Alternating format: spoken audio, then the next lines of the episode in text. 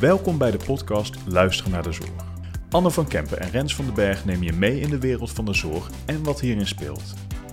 Dit doen zij door het voeren van een interessante dialoog met prikkelende vragen, boeiende topics en inspirerende gasten. Welkom bij Luisteren naar de Zorg. Nou, welkom dames en heren. Leuk dat jullie weer luisteren naar eh, de podcast Luisteren naar de Zorg. En het is toch wel een bijzondere podcast, want zoals jullie gewend zijn van ons, doe ik dit samen met Anne. Anne is er wel bij, maar dan wel 50 kilometer hier vandaan. Uh, want Anne doet uh, digitaal mee, Anne. Waarom doe je digitaal mee vandaag? nou, ik heb corona helaas, dus ik ben niet bij jullie, maar nou, wel aanwezig. En gelukkig is het bij een podcast alleen maar nodig om elkaar te kunnen verstaan. Ja, nou klopt. Dus het kan zijn dat jullie geluidsverschil horen, dat ligt daaraan. Maar uh, volgens mij uh, gaat het allemaal prima werken zo. Maar vandaag hebben we uh, te gast Bert de Haas, bestuurder FNV Zorg en Welzijn. En ja, we zijn hartstikke blij dat je er bent, Bert, want we hebben een hoop te bespreken. Maar voordat we dat doen, ik zou het leuk vinden als je iets meer over jezelf vertelt. Want naast de bestuurder van FNV ben je ook nog betrokken bij het arbeidsontwikkelagenda voor de ja, VVT, klopt. het AOVVT-fonds. Ehm, nou Bert, brand los, wie ben je en wat doe je in het dagelijkse leven? Ja, goedemiddag. bedankt voor de uitnodiging allereerst. Heel voor het eerst van mijn leven dat ik aan de podcast meewerk. Dus alles is een eerste keer. Um, ja, ik vond het heel leuk dat jullie me uitnodigden om wat te vertellen. Ik ben bestuurder voor FNV. op dit moment doe ik de CEO-onderhandelingen voor de, de VVT, sector van verpleeghuizen en verzorgingshuizen en de thuiszorg. Um, en ik heb jaren hiervoor ook de gemeente CEO gedaan. Ik werk ondertussen al twintig jaar voor de, voor de FNV en de Advocabo. En daarnaast doe ik ook, ben ik ook actief voor het ANO-fonds VVT, waar we vooral over arbeidsmarkt en ontwikkeling hebben voor de VVT-sector. Nou, fijn dat jij aansluit bij onze podcast. En um, ik heb eigenlijk allereerst een vraag over je achtergrond, uh, Bert. Oké. Okay. Uh, ik zag in de voorbereiding dat je theologie en filosofie hebt gestudeerd. En ik ben eigenlijk wel benieuwd op welke manier je daar gebruik van maakt als bestuurder bij FNV. Ja, nou, leuke vraag. Ja, ik heb inderdaad, ik ben begonnen met theologie. En eigenlijk, als ik het moet, zou moeten samenvatten, zou ik zeggen dat het daar vooral ging over de zin van het leven. Hè, hoe, hoe, hoe, geef je zin aan het leven? En uh, dat kan je op verschillende manieren doen. Hè. Dat wordt in, in, in de religie wordt dat ook opgepakt, dat, dat, thema. Maar voor mij was het eigenlijk meer een thema in het kader van hoe geven mensen zin aan het leven, bijvoorbeeld door het werk. Voor mensen is werk een heel belangrijk iets in het, in het, in het leven. En heel veel mensen die zien zelf ja, de, vooral hun maatschappelijke waarden ook in, in, in het werk. En geven daar ook een bepaalde manier zin aan het leven. En dat thema heb ik tijdens mijn studie heel erg uitgewerkt. En op een gegeven moment ben ik ook uh, overgegaan naar filosofie, waar ik meer bezig was met uh, uh, bijvoorbeeld normatieve ethiek en maatschappelijke en politieke vraagstukken. Maar het ging ook altijd over arbeid en ethiek. En uh, ja, daar heb ik dus nog steeds wat aan in mijn, uh, in mijn rol als uh, bestuurder. Want ik ben nu nog steeds bezig met vraagstukken rondom arbeid en werk. En hoe kunnen mensen op een goede manier hun werk doen? En hebben ze ook nog het idee dat ze zinvol bezig zijn? En dat is echt een heel belangrijk thema. Als mensen niet het gevoel hebben dat ze iets, iets zinvols doen, dan zijn ze vaak ook minder gemotiveerd. En ja, is het voor hen minder prettig om ook aan het werk te zijn. Dus arbeidsethiek is nog steeds een van mijn grote onderwerpen. En eigenlijk ook wel mooi dat je dat dan in een sector doet waarbij ethiek en zingeving en, en fijn en goed kunnen leven ook nog um, onderdeel van de hele sector is eigenlijk. Of van het, ja, van het dagdagelijkse ja, werk. Dus het gaat eigenlijk misschien zelfs dubbel op. Heb ik, heb ik dat goed? Dat, dat heb je heel goed, ja. Ik heb, uh, ik, daarom heb ik ook eigenlijk twee jaar geleden bewust gekozen voor de sector zorg. Uh, ik, ik, zat op dat moment op het moment dat ik wilde graag wat een ander werkveld uh, gaan doen. En toen was er een kans om in de zorg iets te gaan doen. Toen dacht ik van ja, hier kan ik bij uitstek met dat thema bezig zijn. Want zorgen, als je met medewerkers in de zorg praat, dan hebben ze het ook altijd over dat ze dat doen ook omdat ze ja, op die manier zingevend voor zichzelf bezig zijn, maar ook voor anderen. het is eigenlijk dubbel op. En ja, daarom is het is ook zulk belangrijk werk, denk ik. het is maatschappelijk gezien zulk belangrijk werk. En dan vind ik het ook heel waardevol om daar, daar als bestuurder ook actief in, voor te zijn. Ja, mooi. Ja, ik was ook wel benieuwd, want kijk, FNV, dan denk ik toch altijd aan, aan mensen die echt strijden voor betere arbeidsvoorwaarden. In dit geval voor zorg en welzijn. Maar zou je ons mee kunnen nemen in wat een bestuurder van de FNV eigenlijk uh, dagelijks doet? Uh? Ja. Ja, dat wil ik wel proberen duidelijk te maken. Dus het is, dat is, mensen vragen dat wel vaker van wat doe je nou eigenlijk? Uh, ja, het, het, je zou het kunnen samenvatten dat ik eigenlijk elke dag of in overleg ben met mensen...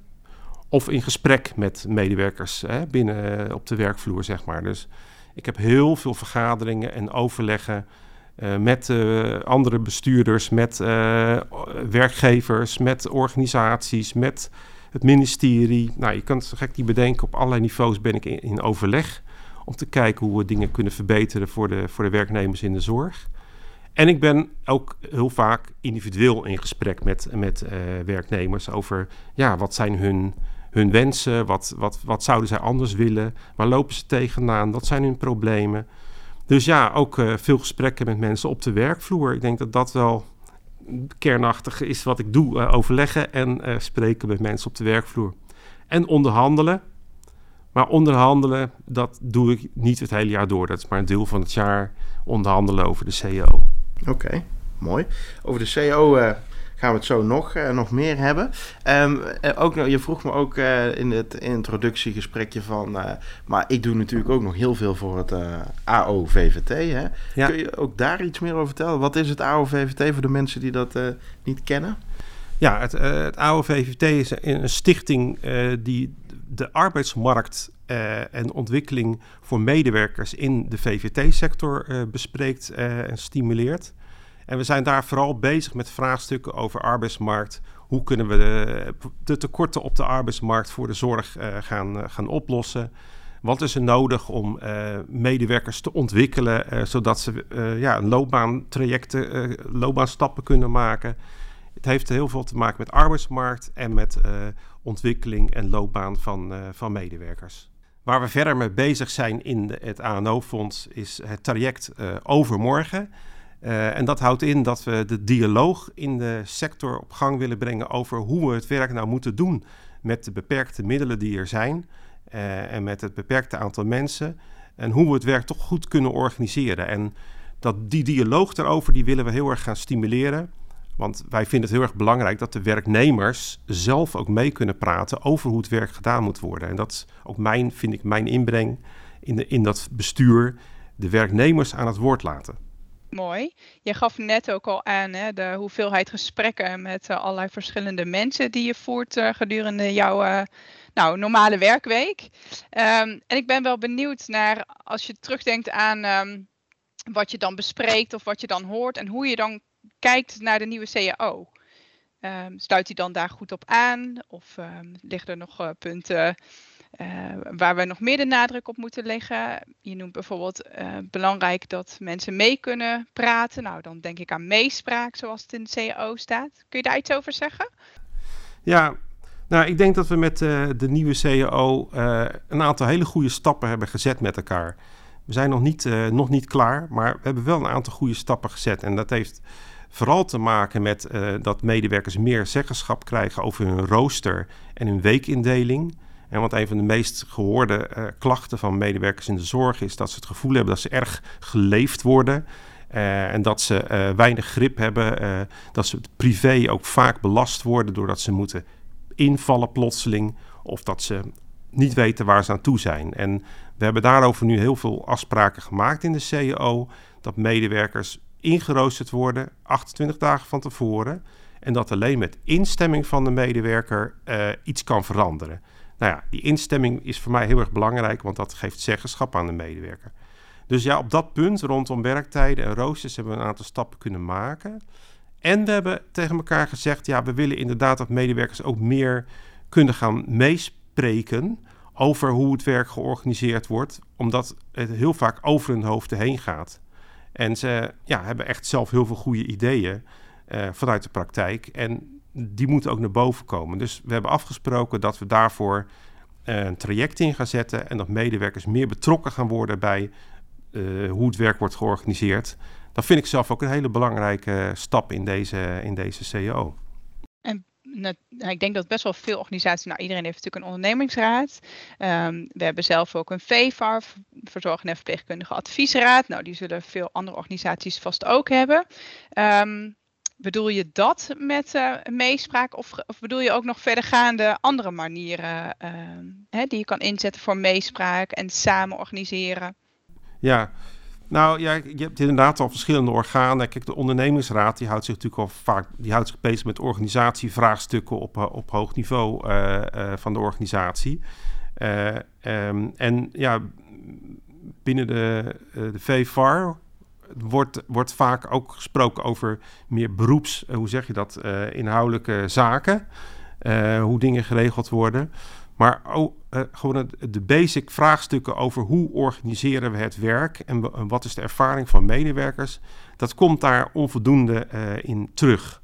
En dat is ja, waar we nu juist voor staan. Hè. Hoe, hoe, hoe, gaan we nou het werk doen? Um, er zijn heel veel technologische ontwikkelingen en digitale ontwikkelingen. Maar uh, hoe kan de werknemer daar nou goed mee werken? en hoe kunnen we dat goed organiseren? dat, dat gesprek moeten we gaan voeren. En dat moet gewoon breed op de werkvloer uh, plaatsvinden.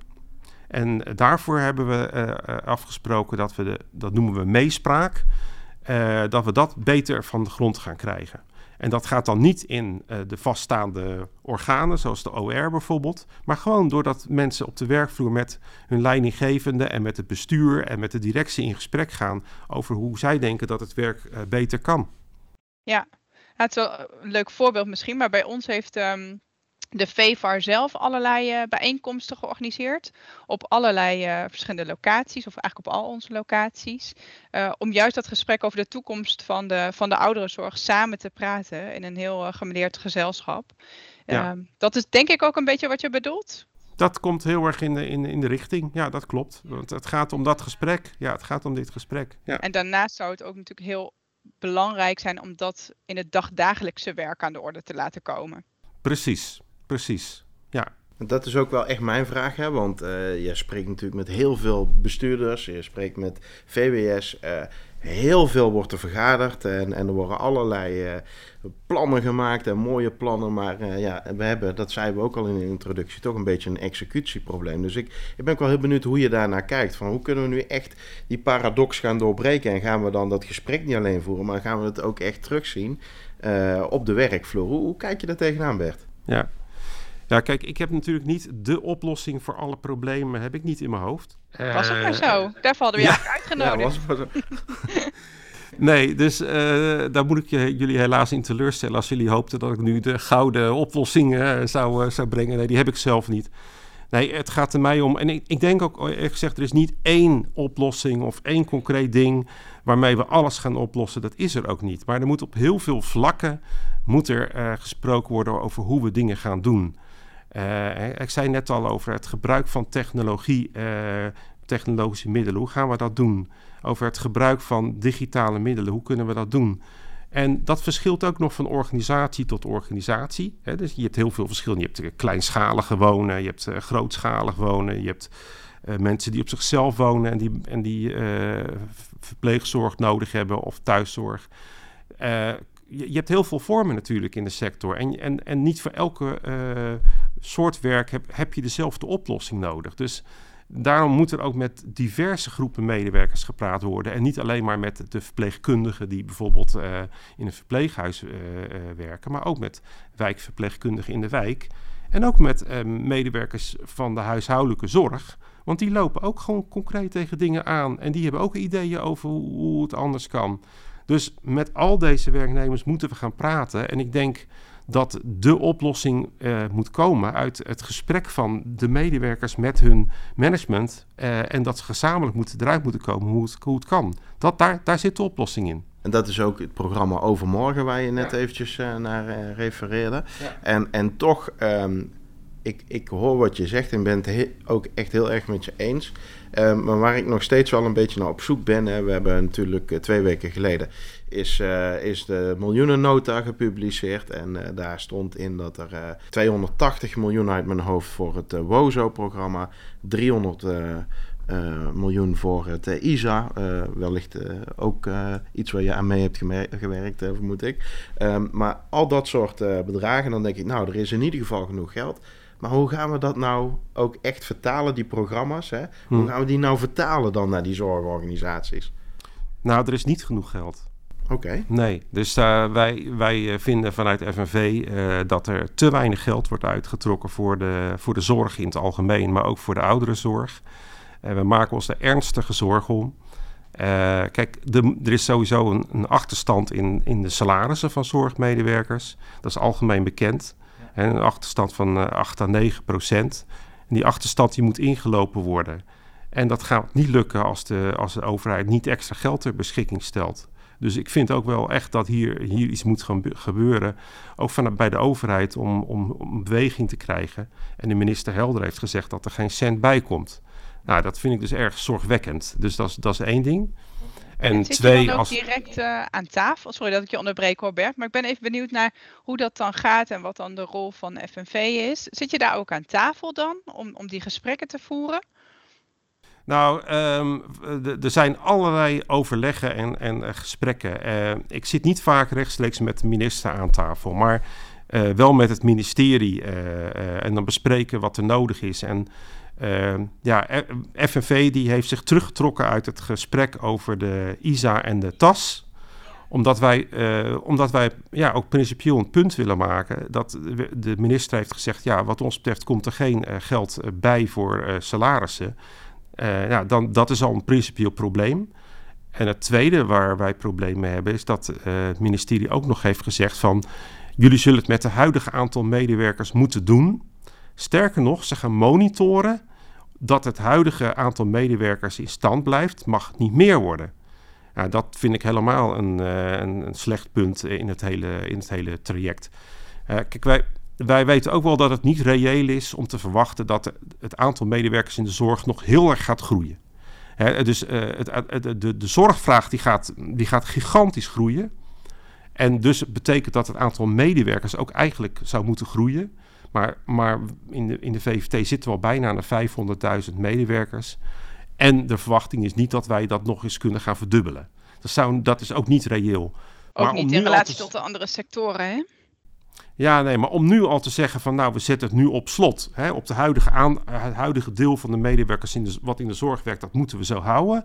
Dat vind, dat, dat, dat, daar heb ik echt een probleem mee. Ik denk dat we moeten kijken hoe we de zorg organiseren en hoeveel mensen daarvoor nodig zijn om een kwalitatief goede zorg te verlenen. En van daaruit moeten we gaan kijken hoe, hoe het ons lukt om voldoende mensen in huis te halen. En dat zal moeilijk genoeg zijn.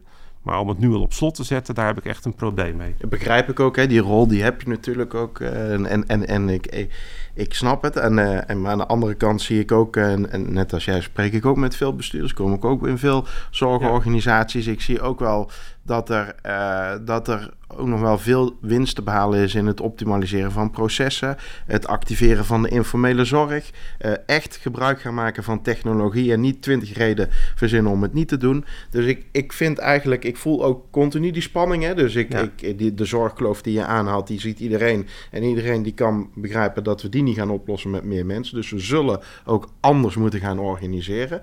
En tegelijkertijd, waar ik me ook wel zorgen over maak, is dat er uh, projecten, programma's komen, maar dat die onvoldoende worden geborgd of dat die onvoldoende eigenlijk uh, tractie krijgen in de zorgorganisaties. Dus ik blijf op dat punt hameren. Dus ik, ik snap ook dat je zegt van nou, ik ben, ik ben het daar, ja, ik ben het daar gewoon niet mee eens dat er wordt bezuinigd. Maar aan de andere kant, ja, hè, snap je een beetje wat ik bedoel? Ja. Nou, kijk, wat ik wel belangrijk vind eh, om hier ook te zeggen. Kijk, FNV eh, zegt niet dat we uh, ons niet bezig moeten houden met de ontwikkeling van het werk. En dat we daar dat we kunnen kijken hoe we beter en effectiever kunnen werken. Sterker nog, dan, dan moeten we met elkaar over praten. En dat is ook wat we willen doen in het programma overmorgen. En daar werken we aan mee. Maar niet alleen praten, Bert, dus, maar niet alleen praten. Nee, maar goed, dat, dat snap ik. Dat, dat heb je ook helemaal gelijk in. Het moet niet alleen praten blijven. Maar je moet in, binnen je organisatie afspraken gaan maken over hoe je het anders gaat doen. dus die gesprekken die, ik, die we op gang willen brengen, die moeten ook leiden tot echt verandering in het werk. Maar dat kan alleen maar binnen een organisatie gebeuren. Kijk, en dat eh, vind ik een beetje het probleem. Dat die minister die kan niet besluiten hoe uh, organisaties gaan werken.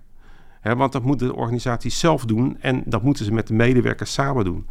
Uh, en daarvoor zijn die gesprekken nodig. En dat moet leiden tot concrete afspraken. We gaan het anders doen. Het roer moet om. De medewerker moet op één, zeggen we. Daar zijn we het over eens met Zeker. elkaar. De medewerker moet één, cliënt centraal, maar de medewerker moet één. Ja. En hoe gaan we dat doen? En daar moet je concrete afspraken over maken. En daar willen we aan meewerken. Ja, ja. Ja, dat is natuurlijk ook heel goed. Ehm, en ik denk uh, aan de andere kant, want ik, ik snap wel jouw punt heel goed van. Um, uh, dat je zegt van laten we als uitgangspunt nemen van uh, laten we de zorg anders organiseren. En hoe kunnen we dat doen? En hoeveel mensen ja. hebben we daarvoor nodig? In plaats van Ja. dat bij voorbaat op, op slot te zetten. Dat is wel een heel ander vertrekpunt. Ehm, en um, daartegenover of daarnaast misschien staat ook, uh, als ik bij ons in de regio kijk, dus de regio Noordoost-Brabant en Midden-Brabant, um, hebben we met uh, eigenlijk alle uh, VVNT-organisaties uit de regio een uh, strategische personeelsplanning gemaakt. Dat houdt in dat we voor nu en vijf jaar vooruit hebben gekeken naar hoeveel mensen nou, hebben we op dit moment. En op basis van ons gemiddelde in- en uitstroompercentage van vijf jaar terug en het aantal mensen dat daadwerkelijk met pensioen gaat hebben we echt een enorm gat ja. uh, aan het aantal mensen tussen nu en vijf jaar al. Dus dat zorgt in ieder geval ook wel voor uh, urgentiebesef om, um, ja, om aan de slag te gaan. Dus ik denk dat het ook goed is om um, dat steeds ook naast elkaar te zetten. Van oké, okay, ja, we weten als sector, ik werk er zelf ook in, we weten dat het anders moet en dat we het niet op dezelfde manier kunnen blijven organiseren. En dat zien we ook terug in de aantallen. Uh, want ik denk ja. ook diezelfde boodschappen uitdragen en, en nou ja, niet het als een. Uh, uh, ik denk dat je het ook niet moet benaderen als dat het een verschrikkelijke um, scenario is waar we met z'n allen op afstormen. Um, maar dat het ook goed is om perspectief in, tegenover te zetten. Maar dat doe je wel door ook dat urgentiebesef te verhogen. Hmm. Nee, zeker. Je, je kunt ook zien dat er nu kansen zijn om, om het anders te organiseren, het werk. Ja. En dat het ook, hè, want het begon over de zingeving, dat je het werk ook op een manier anders kunt organiseren, zodat medewerkers zelf ook met meer plezier het werk doen. En dat is wel, denk ik, een hele, hele grote uitdaging. En wat wij nu zien, is bijvoorbeeld, ze doen voor een, voor, voor, voor een derde van hun tijd, of soms wel tot, de helft van de tijd, zijn ze bezig met administratie, met registreren. En 28% dat is, uh, stond onlangs. Ja, uh, het CUPTA rapport. Ja. Nou, dat is, dat is toch gigantisch dat je een derde van je tijd uh, kwijt bent aan, met, met administratie. Daarvoor zijn mensen niet dat werk gaan doen. Nee. Je wilt met, met de mensen bezig zijn waar je je zorg aan verleent. En dat vind ik het dus bijvoorbeeld heel erg dat, dat mensen dan een derde van de tijd kwijt zijn aan, aan het administreren. Dus dat, hoe kunnen we daar nou eens een keer een, een verandering in aan gaan brengen? En, en, en, en, en, en dat heeft ook te maken met het vertrouwen van de, van, de, van de zorgmedewerker, dat die professioneel zijn werk doet. En we werken te veel vanuit wantrouwen. Ja. Hè? En, en, en, met name uh, hoe, hoe, zorgverzekeraars dat allemaal, uh, uh, zeg maar, de eisen die zorgverzekeraars stellen aan uh, hoe dingen geadministreerd moeten worden. Nou, dat, dat, is gewoon verschrikkelijk. Dat je, wij spreken, je, de, de, het aantal keren dat een bewoner zijn, haar of zijn tanden poetst, moet allemaal geregistreerd worden. Ja. Dan denk ik van, waarvoor? Waarom? En, en, en, en laten we alsjeblieft met z'n allen daar een streep door zetten. En het gaat om de zorg aan mensen. Ja, en ik vind ook wel een mooi voorbeeld. Bijvoorbeeld ook de eetvoorkeur moet volgens mij ook vastgelegd worden. Ja, maar ja. goed, als ik vandaag een boterham met kaas wil, betekent dat niet dat ik dat ook morgen en volgende week en volgende maand wil. Dus waarom zou je dat bijvoorbeeld vastleggen? Maar dat is natuurlijk een heel concreet voorbeeld. Zeker, we hebben legio voorbeelden daarvan. Ja, en wat ik nog wel interessant vind, Bert, is wat je zei over, over die 28% eh, verslaglegging en communicatie. Gemiddeld genomen, hè? dus uh, dat kan dus ook nog erger en ja. uh, minder erg zijn. En, en daar zit voor mij wel echt de oplossing in de technologie. Want ik denk dat we in Nederland heel veel mooie initiatieven hebben. Uh, dat we ook met technologie, gelukkig is dat wel een onderdeel van het WOZO-programma, digitaal als het kan. Ik denk dat we daar nog heel veel kansen laten liggen. En dat dit het moment is om ook te zorgen dat we um, met technologie uh, ervoor zorgen dat die zorgprofessional meer tijd en ruimte heeft voor het vak waar ze voor hebben gekozen. En dan kom ik terug op dat zingeving. Dus eigenlijk moeten die daar helemaal niet mee bezig zijn. Daar ben ik het helemaal mee eens. Um, het probleem is, wat ik, waar ik mee begon, het executieprobleem, dat we ook wel zien dat er dan te weinig wordt geïnvesteerd in innovatie. Eigenlijk doet het kabinet dat ook te weinig in innovatie. Ze roepen er wel over, hè, van we moeten hmm. investeren in digitalisering. Maar doe het dan ook echt. Want ik denk als we daar landelijk gezien gewoon beter en slimmer gaan samenwerken en ook de technologie meer zouden omarmen, dat we echt terug kunnen naar de basis en dat er meer tijd en ruimte is voor die cliënt. Ja. Nou, ik, ik, denk ook. Die wil ik uh, eigenlijk ook wel tegenspreken. Oké. Als dat mag. Sorry Rens. nee, wat ik in ieder geval zie is vanuit de regio's dat er echt wel geld in ieder geval beschikbaar is. En dat er ook geleerd wordt binnen de verschillende zorgorganisaties. Daar waar voorheen verschillende zorgorganisaties um, nou, vrij veel zelf aan het innoveren waren of aan het experimenteren, zie je nu dat er keuzes gemaakt worden. De ene zorgorganisatie die uh, uh, experimenteert met dat onderwerp, daar wordt die innovatie gedaan. Hetgeen wat geleerd wordt, wordt meegenomen naar alle zorgorganisaties. En is iets bewezen, is iets bewezen en gaat een andere zorgorganisatie implementeren, zonder daar weer opnieuw het wiel uit te vinden. Dus ik denk wel dat dat echt kan helpen. Nee, dat ben ik ook wel met je eens. En ik denk ook dat in, in, in de regio waar jij nu uh, naar refereert, dat, dat er zijn ook hele mooie voorbeelden van. Die zijn er ook. Maar landelijk gezien vind ik dus dat die van die regionale goede ideeën dan uiteindelijk uh, nationale goede ideeën ontstaan. Ja. Nou, wat. Kijk, uh, um, ik denk dat heel veel dingen die te maken hebben met techniek en, en, en, en digitalisering die kunnen, we, die kunnen leiden tot een uh, betere situatie. Maar wel, het gaat om de manier waarop. En, en dat vraagt ook van de werknemer, uh, uh, vraag van hoe ga je ermee om? Dat is vooral een vraag. Hè? En als ik een heel concreet voorbeeld mag noemen. Hè, een van de dingen die heel erg tot discussies leidt, is, is een, een wasrobot. Hè? Dus er zijn, er, is een, er zijn robots ontwikkeld die mensen kunnen wassen. En als je daar met uh, werknemers uh, over praat, dan reageren ze daar heel verschillend op.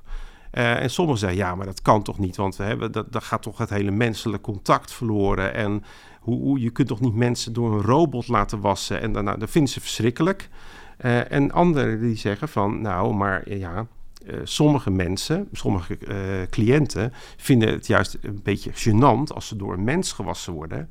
En die worden eigenlijk liever wel door een robot gewassen. Dus, dus dat is ook nog eens een vraagstuk, hoe ga je ermee om? En dan komt, de, dan komt de werknemer in een andere rol, namelijk dat hij met de cliënt over gaat overleggen van wat vind jij eigenlijk prettig? En wat, waar, waar kan jij mee geholpen worden? En als de werknemer meer in die rol komt om ook de, de, de, de, de cliënt daarin te horen en daarop in te spelen, dan kan het misschien goed gaan. Maar als we nu proberen een één oplossing neer te leggen die zowel voor alle cliënten als voor alle medewerkers de beste is, dan gaan we, gaan we fout dus, dus, je moet gaan kijken hoe je met de middelen, hoe je die op een goede manier in kunt zetten. En de menselijke maat moet, hè, moet daarbij ook, denk ik, heel erg, uh, hoe zeg je dat, bovenaan staan. Ja, e-, eens hoor. Dus ik echt uh, ben, ben het er ook mee eens. En ik denk, zo'n zo'n wasrobot is dan ja, dan, dan kom je inderdaad op het, uh, op het ethisch vlak van wat is dan nog menselijk of niet. Maar wat je eerder aanhaalde, dat, dat die 28% verslaggeving en communicatie, daar zie ik eh, de eerste winst die we zouden kunnen pakken. Ja, maar, volgens mij wordt er heel veel met de iPads en zo gewerkt. En, en, en, en, en, en, en volgens mij gebeurt er al heel veel. Maar ik denk dat er gewoon heel veel dingen zijn die we niet meer hoeven vast te leggen. Die we niet zouden moeten vastleggen. Ik blijf erbij. Het is heel erg vanuit wantrouwen gedacht. En sommige dingen die hoeven we niet met elkaar vast te leggen. Dat moeten we niet willen. Ja. En dan uh, hoef je, maakt het niet uit of je dat met een iPad vastlegt of met een, op papier. Maar uh, je moet er gewoon mee stoppen. Dat klopt. Daar ben ik, ook daar ben ik het wel mee eens. En, en, en, en daar landelijk zie je wel ook wat verschuiving in. Dat die, die, die regelruimte en die regel, hoe noemen ze dat, chaos eigenlijk. Hè? De regeltjes waar aan gehouden moet worden. Dat die echt inderdaad anders zouden moeten kunnen. Je zei in het begin ook al, gingen we heel kort eventjes hebben over de de informele zorg, het activeren van de informele zorg. En dat dat eigenlijk ook in de oplossingsrichting ligt voor de arbeidskrapte. Uh, hoe zie je dat? Ja, ik denk dat het sowieso noodzakelijk is om te gaan praten met breed in de maatschappij met elkaar over hoe we om willen gaan met, uh, met de ouderen.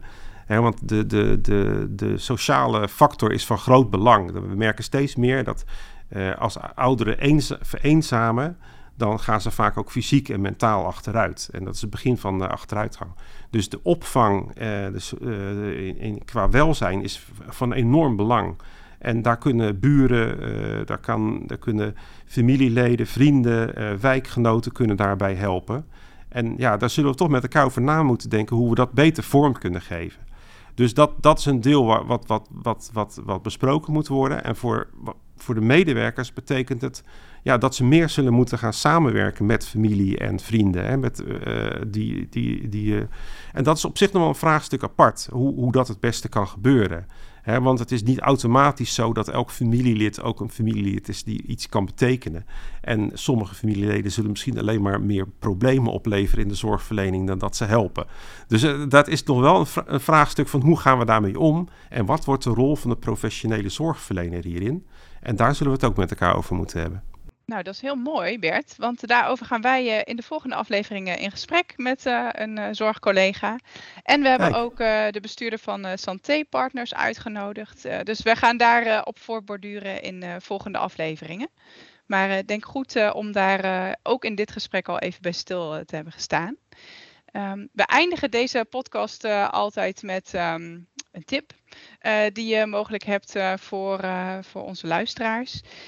we noemen ook vaak de hashtag hoe dan, om te kijken van nou, en hoe kunnen we dat dan anders gaan doen? Heb je die voor, voor ons? Nou, de belangrijkste tip die ik zou willen geven aan, aan vooral de medewerkers in, in de zorg, is om nu mee te gaan doen, mee te gaan denken over hoe we het werk anders kunnen organiseren. Want zonder eh, de, de ervaringen en de tips van de werknemers gaat, gaat het gewoon niet lukken om tot effectieve verbeteringen te komen. Dus ik roep alle werknemers op om hierover mee te denken. Binnen de VVT starten we een heel traject, uh, wat heet Overmorgen, en waarin we uh, deze dialoog op gang brengen. Er komt een theatervoorstelling die het land ingaat om, om deze dialoog op te starten. En ik roep alle medewerkers op om naar deze theatervoorstelling te gaan en vervolgens binnen hun organisatie het gesprek op gang te brengen over hoe kan het anders, hoe kan het beter. Doe mee. Ja, doe mee. Ja, doe mee. Nou, praat ja. mee, doe mee. Hartstikke mooi, eh, Bert. En uh, voor, uh, voor nu uh, ronden we deze uitzending af. Ik wil je hartelijk danken. leuk dat we met je in gesprek mochten gaan over boeiende onderwerpen. En nou ja, ik, we gaan elkaar vast en zeker weer zien de komende periode. En uh, we kijken uit naar, uh, naar de volgende uitzending. Uh, nog een laatste woord aan jou, Anne. Vanuit 50 kilometer hier vandaan thuis. Nee, ja, bedankt Bert. Hartstikke leuk. Graag gedaan. Ik vond het zelf ook leuk.